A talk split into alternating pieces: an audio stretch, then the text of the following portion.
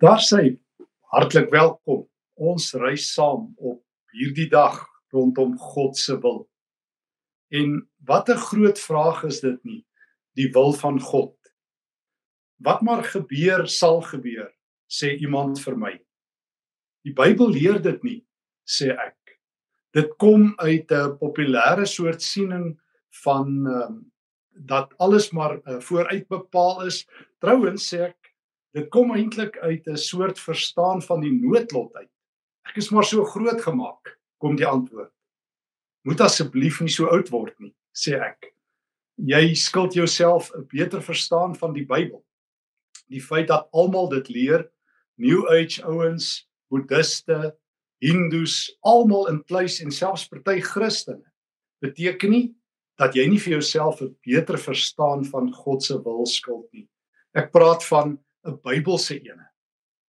Ja, hierdie idee dat jou streepie getrek is en wat moet gebeur gebeur, kom eintlik uit die Griekse mitologie. Dit is die groot god van die Romeine en die Grieke, Zeus of Jupiter, wat selfs 'n klompie godinne gehad het wie se voltydse werk dit was om die noodlot te bestuur. Daar was selfs drie godinne bekend as die Moirai wat jou lewe letterlik geweef het dit afgemeet het en dan het een van hulle 'n skerp gehad as jou lewensstreepie getrek is, dan het hulle dit geknip. Die mooi raai uh is hulle het hulle as bekend gestaan. God se wil is veel mooier, veel dieper, veel meer relasioneel verhoudingsmatig as al hierdie stereotypes wat ons oor sy wil het. Ons sê vir mekaar die regte vraag is nie ons omstandighede ons sterfdatum, ons krisisse en dan die vraag bo-op dit. Nou wat is God se wil nie? Die regte vraag is wie is Christus? Ons het vir mekaar gesê meeste ouens dink na oor God se wil los van Christus. Ja, sy sterwe en sy verlossing is een ding, maar wanneer ek oor God se wil dink, dan is dit vir meeste ouens 'n totaal ander vraag en het Christus se sterwe en God se wil eintlik niks met mekaar te doen nie. Fout. Groot fout. Christus is God se wil. Onthou jy Johannes 6 uh vers 38 tot 40. Christus sê twee keer hy het gekom om God se wil te doen en dit is om lewe te gee. En daarom dink ek uit Christus oor God se wil. En daarom is ek in God se wil as ek sy kind is. Jy moet mooi hoor ek is reeds deel van God se wil want sy wil is dat ek lewe sal hê wat tot 'n ewigheid ander kan die ewige uh, dood sal aanhou of ander kan die dood sal aanhou. Ewige lewe met ander woorde. Hier en nou en tot in ewigheid. Dit is God se wil. Maar nou ja God se wil het ook 'n klompie huisreëls. Soos in enige familie is daar reëls Uh jy sal in jou huis 'n klompie reëls hê, ons het in ons huis familiereëls. En die Nuwe Testament het vyf groot familiereëls oor God se wil. En ek wil graag vandag daarby stil staan saam met jou, die vyf familiereëls vir die wil van God. God se wil is Christus. God se wil is dat ek in hom glo. En nou is die familiereëls, hoe leef ek as 'n kind in God se huis? Reël nommer 1. 1 Petrus hoofstuk 2 vers 15. Uh, en ek gaan dit in twee woorde elk saamvat. Doen goed. Dit is die wil van God. Doen goed. Kom ons lees dit saam. 1 Petrus 2 vers 15. Al wat ek met ander woorde nou doen is ek gaan kyk net in die Nuwe Testament waar kom die uitdrukking die wil van God voor in terme van hoe 'n Christen moet lewe. 1 Petrus 2:15. Dit is die wil van God dat julle deur goed te doen 'n einde sal maak aan die kwaad wat mense sonder begrip uit onkunde praat. Dit is die wil van God dat julle moet goed doen. Niemand het dit vir my gesê nie. Ek het nooit gehoor dit is God se wil dat ons moet goed doen nie. Ek het gehoor ek kan nie eintlik iets doen vir die Here nie. Eintlik het ek so half groot geword dat ek nie eens moet probeer om iets goeds vir die Here te doen nie, want ek kan niks daarmee verdien nie. Natuurlik kan ek nie. Maar dis nie die gesprek wat die Nuwe Testament het nie. Die Nuwe Testament sê julle leef in 'n bose wêreld. Weet julle hoe gaan julle 'n einde bring aan al die goddeloosheid en die dwaasheid? Deur goed te doen. Dit is die wil van God. Dit is die eerste familiereël. Nee, God se wil is nie 'n insident of 'n episode nie. Dis 'n manier van lewe uit karakter. Al God se familiereëls oor sy wil gaan oor hoe my karakter vorm, hoe ek reg lewe deur goed te doen. En nou sê Petrus in vers 17, hoe doen ek dit? Hy sê jy moet alle mense respekteer, medegelowiges lief hê, vrees God, eer die keiser. Alle mense respekteer. Dis hoe jy goed doen. Ons leef nou in 'n tyd uh, nou dat hierdie corona gogga nou so bietjie lank met ons is, dat mense se nerve dun raak. Christene begin murmureer. Ek het gewonder wanneer gaan dit gebeur. Nou begin ek sien so op al die sosiale media platforms. Die manne raak warm en kwaad. En baie mense begin sê moet ek nou nog die regering terug uh, respekteer en wat alles. Hoor wat sê God se woord. Dis die wil van God dat jy goed doen. Uh, ek het groot geword en dis ook oukei. Okay. Ons moet opstaan vir die Here. Maar soos ek altyd sê, erns gaan sit jy maar weer. Jy kan ook net so lank staan. Nuwe Testament sê nie in die eerste plek jy moet opstaan nie. Doen goed. Jy doen goed jy respek te hê. Alle mense, alle mense alle mense smag na respek. Dis nie maar net verniet dat uh, Anita, uh, Anita Franklin gesing het. Een van haar ou liedere. All I'm asking is a little respect. Ek vertel graag van 'n studie wat ek eendag gelees het dat alle geweldsmisdadigers erns respek ontneem is. Uh, 'n groot studie hieroor het bevind dat almal wat geweldsmisdade pleeg, ergens hulle menswaardigheid verloor het. Dis 'n gelowige se werk om mense respek te gee. Nie net die oulikes nie, nie net die vriendelikes nie. Dan's ons niks anders as die fariseërs nie. Sê Jesus in die bergrede. Hy sê julle is my kinders as julle 'n ander wang draai. As julle 'n tweede myl loop. As julle liefhet die wat julle haat, as julle seën die wat julle vervloek. Lukas 6, Johannes uh, Matteus respekteer alle mense. Ehm um, hê medegelowiges lief, vrees God en dien die keiser. Bedoelende hierdie einste keiser na wie Petrus verwys het om 2 jaar later laat vermoor. Jy jy dien nie net of jy jy eer nie net ehm um, mense as hulle met jou saamstem. Jy doen die wil van God. Dan sê Petrus, so sal jy 'n einde bring aan 'n goddelose wêreld. Kom het ons hierdie teks gemis? Hierdie familiereël gemis.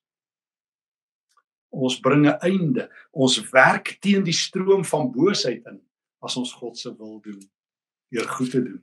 Familiereël 1: doen goed. Familiereël nommer 2 net in die volgende hoofstuk 1 Petrus 3: vat teenstand. Doen goed, vat teenstand. Ek lees saam met jou in vers 17.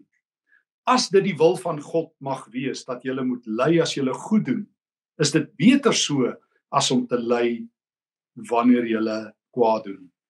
Vat teenstand. Vat moeilikheid. Nou ek het geleer op skool uh en op waarsit jy moet ek het so ou krop karretjie gehad toe ek 'n student was, so mini. En uh op 'n stadium toe ek en Maritjie getroud is, het ons agtergekom die kar gebruik meer water en olie as petrol. En ek het op 'n stadium met ons het ek een keer so om 'n draai gegly een hand daar in Pretoria toe die pad nat was. En uh, toe sê een ou vir my die chassis het gebuig. En ek sê die wat? Hy sê die chassis. Ek sê wat is dit? Hy sê die onderstel. Toe weet ek 'n kar het 'n onderstel. Nou wel, toe kom ek agter ek het op 'n chassis. Ek het ook 'n soort mens wees en ek kan moeilikheid vat. Die Here sê so. Lyk vir my Christene dit vergeet. Lyk vir my ons is nie baie goed op moeilikheid vat nie. Party ouens kan moeilikheid gee. Ander ouens as hulle aankom is moeilikheid en as hulle gaan is daar nog meer. Christene kan moeilikheid vat. Petrus sê dit is die wil van God dat as julle goed doen, julle sal ly. Vat dit. Vat dit en dan vertel hy in 1 Petrus 3 hoe Jesus lyding gevat het. Hy het nie vir die vir die engele gesê en vir sy Vader gesê ek sal aarde kom as jy my veiligheid kan waarborg en as ek voorspoedig kan wees nie. Hy het in die dood ingestap. Hy het moeilikheid gevat. Erns het ons dit verloor.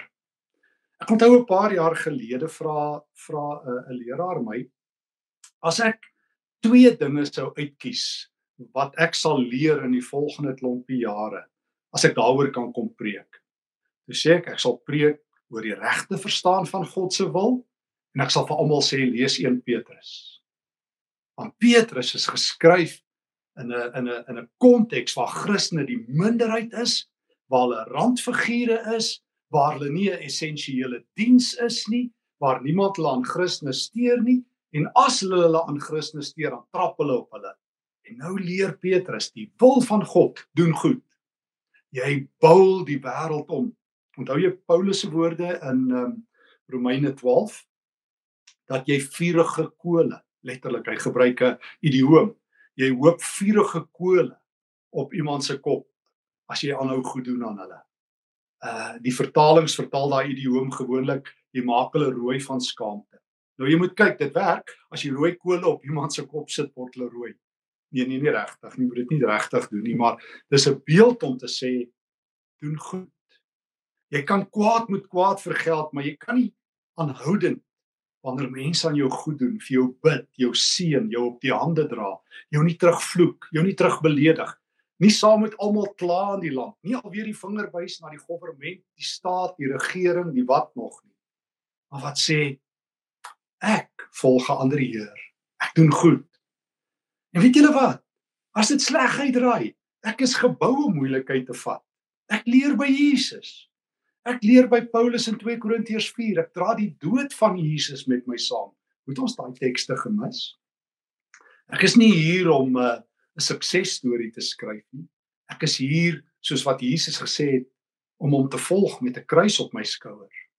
Hoe het Bonhoeffer gesê in die Engelse vertaling van sy boek, when Christ bids a man to follow him, he bids him come and die. Hy roep my om sy doodsbeker ook te drink doen goed. Tweedens vat leiding. Die derde merkteken vir God se wil. Ek vra jou om gou vir 'n oomblik saam met my na die eerste Tessalonisense brief te blaai hoofstuk 4. So ons is besig om vir mekaar te sê God se wil is Christus. Maar ons sê vir mekaar hoe leef ek as 'n volgeling van Christus? En ek vat net al die tekste, die belangrikstes in die Nuwe Testament oor God se wil. Die familiereëls doen goed, vat teenstand die derde ene. Wees heilig. Ek lees in uh, 1 Tessalonisense hoofstuk 5 vers 3 dit is die wil van God dat jy heilig moet lewe. Weerhou julle van onsedelikheid. Hm. uh, Paulus is hier besig om Levitikus en ander tekste aan te haal. Hy's besig om oor die huwelik te praat. Nee hy sê nie in die eerste plek moet jy voordat jy trou bid dat jy die regte vrou kry nie. Hy sê in die eerste plek bid dat jy heilig sal lewe. Dan sal jy die regte huweliksmaat vind by wyse van Spreuke. Die groot vraag van die Here is nie of ek hier moet bly of daar of hoe lank ek gaan lewe of wat nie. Die groot vraag is is my lewe heilig? As ek 'n man, 'n vrou, 'n jong mens van karakter weerkaats ek die hart van God is ek besig om innerlik te verander. Is ek besig om al hoe meer 2 Korinte 3:18 te verander na die beeld van Christus. Want dit is tog wat behoort te gebeur. Hoe langer ek op God se pad moet loop in my lewe, hoe meer moet ek die beeld van Christus deelagtig word. Ek moet 'n sagter mens word. Ek moet 'n wyser persoon word. Ek moet meer die Heilige Gees se werk verstaan. Ek moet tot rus en bedaring kom. Ek moet my nie kommer en kwel oor elke gerug en um, geraas rondom my nie. Ek moet vrede vind in die Here. Ek moet vrede maak. Ek moet heilig word. My huwelik moet dit wys. My innerlike lewe moet dit wys. Ek moet 'n man van karakter wees en 'n vrou van karakter op wie die Here kan reken. Ek moet op die Here se pad stap in karakter. Wees heilig. Lewe rein. Dis God se wil. Hoor jy dit nou al? Hoor jy die die die, die vrein dat al God se huisreëls doen goed, vat teenstand, wees heilig. Dit is God se wil. En al wat ek doen ek haal dit uit die Nuwe Testament uit, maar met respek, dis nie die groot gesprekke oor God se wil nie, maar dis die Nuwe Testament se gesprek. En ek is jammer, dan leen ek my ore eerder vir die Bybel uit. Dis as veral hierdie teoretiese gesprekke of filosofiese gesprekke wat mense het. Vierde reël. 1 Tessalonisense 5 Ek blaai net om na 1 Tessalonisense 5 vers 18. Paulus skrywe: Wees in alle omstandighede dankbaar. En dan staan daar letterlik in die Grieks: Dit is die wil van God in Christus Jesus. Die woord wat hy hier in die Grieks gebruik, hou verband met dankbaarheid, met tevredenheid, met vreugde. Wees altyd dankbaar. So hier's die vierde reël: wees dankbaar. Wees bly. Onthou jy nommer 1? Doen goed. Nommer 2: vat teenstand. Nommer 3 wat ons net gelees het net hier voor, wees heilig. Wees dankbaar nommer 4. Wees altyd dankbaar. Ons leef in 'n tyd van verlies, so sê die meeste mense. Party mense sê hulle het baie verloor. Ander sê hulle het alles verloor: werk, kos, hoop, veiligheid, sekerheid. Nou kom Paulus en hy sê die wil van God is dat 'n Christen, iemand in God se huishouding altyd bly, altyd dankbaar is. Dis die groot Engelse skrywer C.S. Lewis wat 'n boek skryf Surprised by Joy. Hy sê meeste mense is verras deur uh, vreugde. Hy sê 'n geweldige ding. Hy sê meeste mense weet net genoeg van God af om ongelukkig te wees, nie gelukkig nie. Toe ek dit lees het my hart gaan staan. Want ek moet sê ek het nogal groot geword in die kerk met diep ongelukkige mense.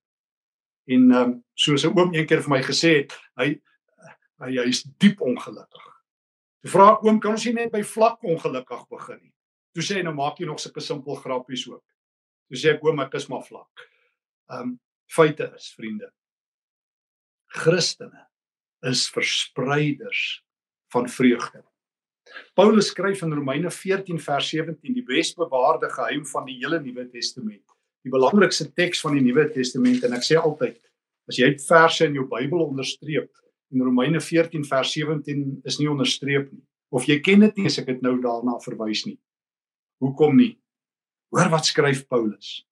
Hy vat die essensie van die essensie van die essensie van die Christelike lewe saam. Dan sê hy: Die koninkryk van God is nie 'n saak van eet en drink nie, maar van uh, nou ek verskil bietjie met die vertaling hier. Paulus gebruik die Griekse woord dikaiosunai van geregtigheid van geregtigheid in God. Met ander woorde, die evangelie gaan daaroor dat God jou vryspreek.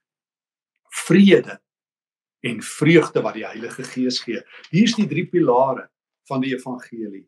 God spreek jou vry, God gee jou shalom en God gee vreugde. En en, en raai wat die kerk beklei nooit oor hieroor nie, maar hulle beklei oor alles behalwe dit. Maar Paulus sê, wil jy weet waaroor gaan die lewe in Christus? Dit gaan daaroor dat jy weet God spreek my vry. Dit gaan daaroor dat jy weet ek kry die vrede van God, Romeine 5:1, wat alle verstand te bowe gaan. Oeg en ek is so gelukkig ek kan myself nie keer. Nou ehm um, ek ken die studies van Dan Gilbert wat nogal baie geskryf het oor happiness. Hy so 'n boek wat jy sal geniet, Stumbling on Happiness. Hy sê meeste mense het nie 'n idee wat hulle gelukkig maak nie. Hy sê ons soos hy in Engels sê we are notoriously bad at deciphering what will make us happy. As jy ons weet nie. En die dinge waarop ons ons geluk bou soos meeste ouens nou eef nie daar's hierdie corona net weer verby is. As ons net weer in die kerk kan wees, as ons net weer kan werk. Paulus sê wees in alle omstandighede dankbaar. Want dan verstaan jy dankbaarheid is 'n geskenk van die Heilige Gees. Dankbaarheid is om in pas in tandem met die Here te wees. Dankbaarheid en blydskap is nie emosies nie, want dit kom en gaan. Maar dis om geanker te wees in Christus. Dis om te weet ek is 'n kind in sy huis. Hy het my gered. Hy het my ingehardloop toe ek weggehardloop het. Hy het my opgesoek toe ek hom nie teruggesoek het nie. Hy het my opgespoor toe ek afgedwaal het. Hy het my gevind toe ek onvindbaar was. Hy het my lief ten spyte van myself. Hy gee elke dag vir my elke dag se brood. Hy dra my. As ek val, hurk hy langs my en hy tel my op soos Psalm 37 sê. Die Here is my herder. Ek kom niks kort nie. O, ek hoor ek leef in 'n wêreld waar almal alles kort ek ek loop langs groen weivelde en ek loop selfs deur 'n die diep donker dal en die Here is by my en daarom kan ek lag al huil ek daarom kan ek vreugde ken. Al is daar baie keer smart. Daarom kan ek in hierdie tyd 'n uitsondering wees op die reël. Ek is in alles dankbaar. O ek jaag dankbaarheid. Ek weet dit is die wil. My vader vra dit van my en daarom wil ek vir jou vra en ek wil dit vir Stefan ook vra. As jy nie dankbaar is nie hoekom is jy buite God se wil? Hoekom laat jy toe dat die wêreld jou jou geloof steel en jou hoop steel? Hoekom luister jy meer na wat op die nuus gebeur as na die goeie nuus? O jy mag nuus luister. Moenie jou ore toedruk vir die wêreld nie. Maar hoekom leen jy jou ore uit vir die wêreld? Ekskuus, dis net 'n vliegtyg wat hier bo ons huis gaan hierdie Sondagoggend. Maar hoekom verkoop jy jou jou geloof uit aan aan aan al die remoere rondom jou? Ek kies vir blydskap. Ek kies vir dankbaarheid. Maar mag ek saam met jou by die 5de familiereël stil staan? Ons sê vir mekaar God se wil is Christus. En nou het hy vir ons vyf familiereëls. Onthou jy hulle? 1 Petrus 2 vers uh, 15 tot 17 doen goed. 1 Petrus 3:17 vat teenstand. 1 Tessalonisense 4:3 wees heilig. 1 Tessalonisense 5:18 wees dankbaar. Die laaste ene wees vrygewig. Sjoe. Dis nie wat mense in corona tyd wil hoor nie. Ek wat niks het nie, hoe kan ek vrygewig wees? Wat moet ek gee? En wanneer mense oor vrygewigheid praat, het ek agtergekom is daar net twee groepe wat ongelukkig is. Die wat iets het en die wat niks het nie. Hulle is altyd ongelukkig. Uh want die wat het sê wat moet ek nog gee? En die wat niks het nie vra wat moet ek gee? Maar hoor wat skryf Paulus 2 Korintiërs 8 en onthou ek kies net die tekste uit wat oor God se wil handel. Hy vertel van die Macedoniërs. Dis die Christene daar in Tessalonika en Filippi.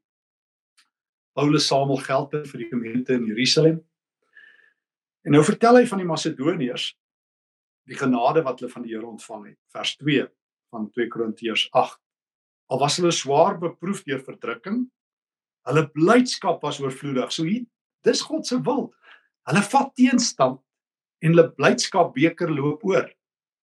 En al was hulle baie arm, hulle was ryk in hulle oorvloedige vrygewigheid.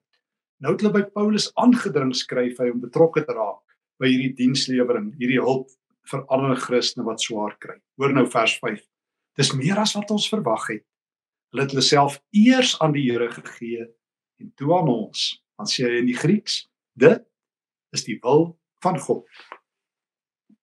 Nee nee, jy gee nie net wanneer jy het nie, jy leef vrygewig. Dit gaan nie oor wat jy gee nie. Ek het groot geword met hierdie gesprek oor tiendes. Die Nuwe Testament het nie eintlik so gesprek nie. Die Nuwe Testament se gesprek is Dis die wil van God dat jy jouself gee. O, jy gee nie 'n tiende van jouself nie, jy gee jouself. Daarom herinner Paulus die die Korintiërs wat dit vergeet het in 2 Korintiërs 8 vers 9 aan Christus. Hy wat ryk was, het hom hele onthaalwe arm geword sodat jy vrygewig kan wees, sodat jy jouself kan gee. Dis die wil van God, gee jouself. Gee jouself ehm um, nie in die eerste plek jou sente nie, maar dit ook. Christen is vrygewig. O die kruis van Jesus dra my. Daarom kan ek ander mense op my skouers dra. Dis nie vir my 'n las nie. Ek wil afsluit. So rukkie gelede vroeër um, vroeër van jare hou ek 'n gebedsreeks in Bethlehem. In die aand toe stap ek nou Rian van Sail die dominee terug na die pastorie toe. En terwyl ons so terugstap, sien ek 'n oom wat besig is om so in die donker sy gestremde seun in hulle bakkie in te laai van 'n rolstoel af. Die oom was met die gestremde seun in die diens. En die seun is baie groot van postuur en hy sal volwasse en ek sien hoe sukkel die oom. En ons stap nader en Rian vra of hy die oom kan help en die oom glimlag net en hy sê: "Ag ek doen dit al baie jare." En ek sien terwyl die oom hom so intel, sien ek 'n oomblik soos die lig op die oom se gesig val hierdie liefde in hierdie oom se oë vir sy kind. En in daardie oomblik onthou ek die lied uit die blou tyd van the Hollies. He ain't heavy, he's my brother. Hy's nie swaar nie, hy's my kind. Dis wat Jesus sê, Stefan, en jy wat kyk, jy's nie swaar nie. Julle is my kinders. Ek het my lewe vir julle gegee. Kan julle nie net op julle skouers een ander persoon se laste tel nie? Kan jy nie net een gebed deel, een snytjie brood deel nie? Kan jy nie net my wil doen nie? Jesus is God se wil. Ek lewe binne sy wil deur goed te doen, deur teenstand te vat. Ek lewe binne sy wil deur heilig te wees, deur vol blydskap te wees en deur vrygewig te wees. Nou toe. Dit is die wil van God. Kom ons gaan doen dit. Kom ons bid saam na Frans dat dit in ons lewe sal gebeur. Dankie Here Jesus dat U gekom het om God se wil te doen. Dankie Here dat ek my gedagtes vir U kan gee soos U in Romeine 12 vers 1 en 2 van my vra sodat ek God se wil kan onderskei. Hier is ek Here om U wil te gaan doen. Ek gaan goed doen. Ek gaan teenstand vat. Ek gaan heilig lewe. Ek gaan vol dankbaarheid lewe en ek gaan vrygewig wees in Jesus se naam. Amen.